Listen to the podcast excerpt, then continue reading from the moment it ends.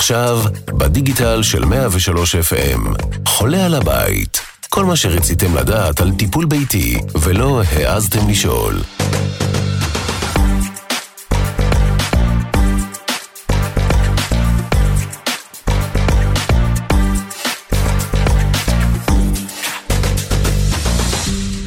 מאה ושלוש FM, ברוכים הבאים לחולה על הבית, כל מה שרציתם לדעת על טיפול ביתי ולא העזתם לשאול.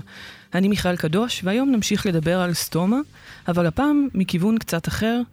עם ההתבגרות כולנו, כל אחד מאיתנו מתחיל להביע עניין באדם אחר, שאיתו ירצה לבנות את חייו. וחלק משמעותי מהסיפור הזה זה קיום של מיניות בריאה, שאמורה גם להסב הנאה וגם להסב סיפוק לשני הצדדים, ומטבע מטבע הדברים, בקרב אלו שיש להם סטומה, הסיפור הוא קצת יותר מורכב כדי לשמור על אותה שגרה.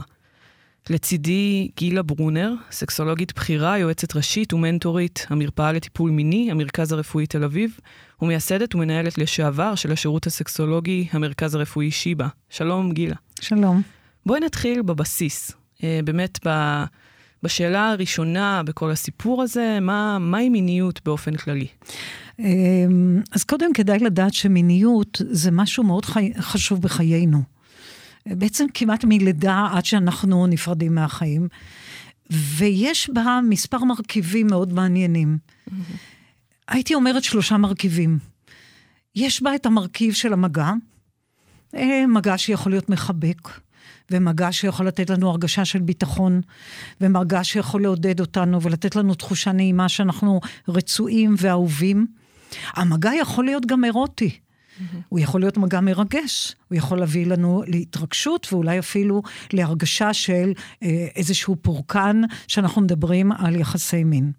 המרכיב השני הוא החלק הרגשי, ואני רק רוצה להזכיר שאני מדברת על זוגיות, אני מדברת זוגיות על כל הספקטרום. Mm-hmm. זאת אומרת, הזוגיות יכולה להיות גבר ועם אישה, אבל זה יכול להיות גם גבר עם גבר, זה יכול להיות אישה עם אישה, גבר עם עצמו, אישה עם עצמה. כן. אה, קשה לדבר בעברית על כל המרכיבים האלה, אז אני אדבר על המודל של גבר ואישה, פשוט כי לא נוח לשנות את השפה עם הזכר, נקבה, זכרים, נקבות, זה מבלגן לנו את כן, הדיבור. כן, נכון. אז אם אני חוזרת לחלק הרגשי של המיניות, אה, זה אותו, אותה זכות שיש לנו להביע אהבה, אה, להביע רגש, להביע פרגון, לקבל פרגון, והחלקים האלה הם לא אירוטיים הרבה פעמים, והם נורא חשובים לנו בחיים. אנחנו צריכים אותם כל החיים שלנו, וכמובן שהחלק הרגשי יכול להיות גם אירוטי, אה, משיכה מינית למישהו, התרגשות בחוויה אינטימית של, שקורית בני, בין בני זוג, וכל זה ביחד יוצר אינטימיות מאוד מיוחדת, שגם האינטימיות יכולה להיות לא אירוטית, שבה למשל אני משתף משתפת אותך או מישהו אחר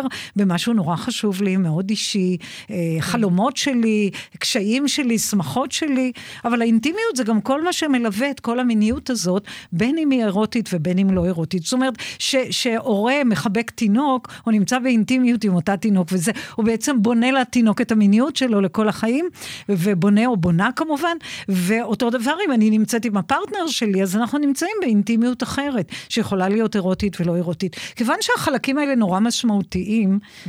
אז לכן אני מרחיבה לגביהם. כן. אז איך בעצם יחסים אינטימיים תורמים לבריאות ולרווחה הנפשית שלנו?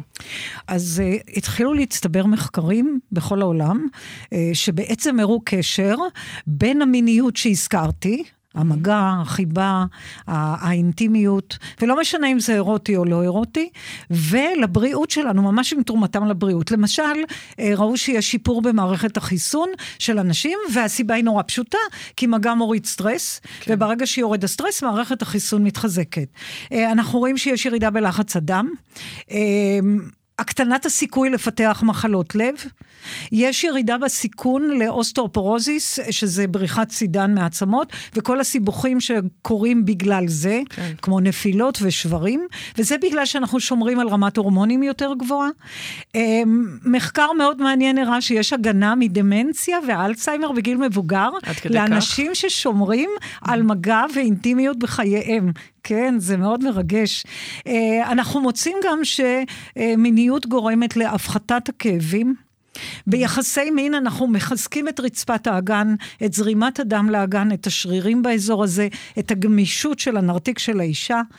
אה, באופן מאוד מעניין, אנשים שמגיעים לריגוש מיני ואפילו לאורגזמה, השינה שלהם משתפרת בגלל הפרשה של פרולקטין יותר גבוהה, mm-hmm. ופרולקטין הוא מין הורמון שתורם לישנוניות שלנו.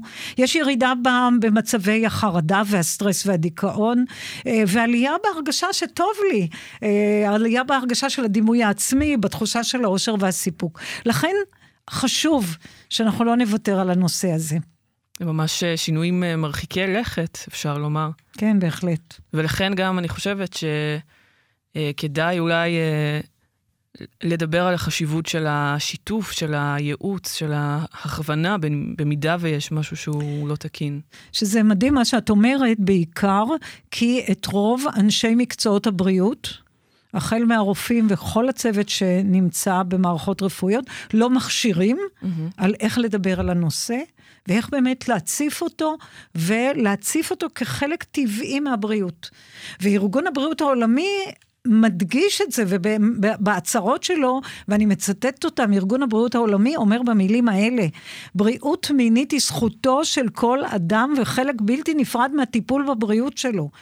Mm-hmm. איזה זכות? הזכות לקבל מידע, מידע רלוונטי, אמ, כמו למשל אנשים שחיים עם סטומה, והם צריכים לקבל את המידע הרלוונטי, אבל גם בכל מצבי בריאות אחרים, okay. כן. על מנת שהם יוכלו לשמור על מיניות בצורה מכבדת ונעימה עבורם. כן. זאת אומרת שהקופסה השחורה הזו באמת צריכה להיות משהו שהוא יותר אה, פתוח, נגיש ל- לכולם, לא רק אה, לאנשים עם אה, סטומה. אה, בואי נחזור בכל זאת אה, להם, לשם כך אה, התכנסנו. מה, מהן הבעיות המרכזיות מה הם מתמודדים כשהם רוצים לקיים או להתחיל לחשוב אפילו על קשר אינטימי? אז נלך מהבעיות היותר בולטות, כן. שזה ממש בעיות בתפקוד המיני. כלומר, בהחלט, המחקרים מראים, וגם בשיחות שיש לי עם אנשים שחיים עם סטומה, יש ירידה בהרבה מאוד פאזות או חלקים של התפקוד המיני. Mm-hmm. יש ירידה בחשק, אה, יש ירידה בעוררות, הגוף פחות מתעורר. שהגוף פחות מתעורר, אם אני אישה, אז אני אסבול מיובש, ואם יש לי יובש אני אסבול מכאבים, ואם אני אסבול מיובש וכאבים ועוררות נמוכה, הסיכוי שאני אגיע לאורגזמה מאוד נמוך. Mm-hmm. אם אני גבר ואני סובל באמת מעוררות נמוכה, אז כנראה לא תהיה לי זקפה, או אם יש לי זקפה תקינה, היא לא תחזיק מספיק זמן על מנת שאני אגמור, או אפילו אני לא אצליח בכלל להגיע לאורגזמה, וסך הכל שביעות הרצון המינית היא מאוד נמוכה. אז זה, זה הבעיה הקשה הראשונה. Mm-hmm. הבעיה השנייה זה פחד. כן. פחד שיקרה לי פאנצ'ר. פאנצ'ר שפתאום יצאו ריחות, שפתאום יצאו קולות. עכשיו, זה קורה לכולנו, גם אנשים שאין להם סטומה, מפחדים שפתאום איזה נפיחה אה, תזלוג לתוך החוויה האינטימית, דבר מאוד טבעי, כי mm-hmm. כשאנחנו מתרגשים, המעיים זזים ומתרגשים גם הם. אבל כאן ישנה בעיה ממש, ממש צריך להתייחס אליה. כן. והפחד הזה שבזמן חיבוק, בזמן התעלסות, בזמן שמתנשקים, בזמן שמתרגשים, בזמן שמקיימים יחסי מין, שיהיה איזה פאנצ'ר, דורשת שנתייחס לזה. וזה גם מוביל למניעה. הרבה, הרבה אנשים באמת אה, מעדיפים לא לדבר על זה ולא לא לשאול אנשים, ו... ולהימ... זה מעגל קסמים. ולהתרחק. כן. ואז יש לנו ריחוק, והריחוק שוב פוגע לנו גם מבחינה נפשית וגם מבחינה פיזית. Mm-hmm. הבעיה השלישית זה הירידה בביטחון העצמי, והירידה בהרגשה הטובה עם הגוף שלי, בדימוי העצמי. וזה מוביל להמון פחדים, פחד שלא ירצו אותי ושלא יאהבו אותי, שלא ירצו לגעת בגוף הזה שלי, שהוא לא מושלם כמו, כמו שרואים בפרסומות ובתמונות. לא ירצו לחוות איתי פעילות מינית. ובאמת יוצא, נוצרת, נוצרת פגיעה ביכולת לבנות קשר משמעותי, אינטימי, אוהב וקרוב. והבעיה האחרונה זה בעיה שהזכרנו אותה קודם, אבל כדאי להציב אותה, כן. כי היא מאוד משמעותית, זה שאנשי מקצוע לא מעלים את הנושא, ואז אין לנו צ'אנס אפילו לקבל את העצות המתאימות, את הפתרונות המתאימים, שלפעמים הם קטנים. כן. ולדעת שזה בסדר, שככה זה, אם זה מסתדרים והכל בסדר בטח. בעצם. שזה באמת החלק הראשון, לפנות uh, ולקבל עזרה. ואם אנחנו ככה uh, נחתור uh, קצת לקראת סיום, אה, מהם הטיפים שיש לך עבור המאזינים, בין אם הם מכירים אדם עם סטומה, או אפילו מתמודדים בעצמם עם האתגר הזה, ופתאום פתאום שמו לב לפרק הזה שלנו, כדי שהם יוכלו לשמור על עולם אינטימי ישיר גם בתוך הסיטואציה הזו, ולא להרגיש שהם גונבים משהו או מפחדים כל כך מהסיפור הזה. אז הייתי אומרת שלושה דברים. Mm-hmm. הדבר הראשון, אני רוצה שכל מי שמקשיב ידע שיש לו את הזכות לקבל את המידע ולהתייעץ. ואם במקרה יש לכם איש מקצוע, אשת מקצוע, שמנפנפים אתכם, מתעלמים, תמצאו מישהו כן, אחר. כן, כדאי. במדינת ישראל, בצורה מאוד מסודרת, יש מרפאות סקסולוגיות ברוב בתי החולים בארץ, תפנו אליהם. דבר שני, אתם צריכים להבין, להבין שבניגוד לפרסומת, שאומרת שסקס טוב הוא סקס ספונטני, שטויות במיץ עגבניות שמכרו לכולנו מגיל מאוד צעיר, זה לא נכון. רוב הדברים המענגים בחיינו נעשים בתכנון. Mm-hmm. מסיבה טובה, נסיעה לחו"ל, כל הדברים הטובים אנחנו מתכננים, אז צריך לתכנן. והטיפ השלישי והכי חשוב זה ההתארגנות. כלומר, איך מתארגנים לקראת יחסי מין.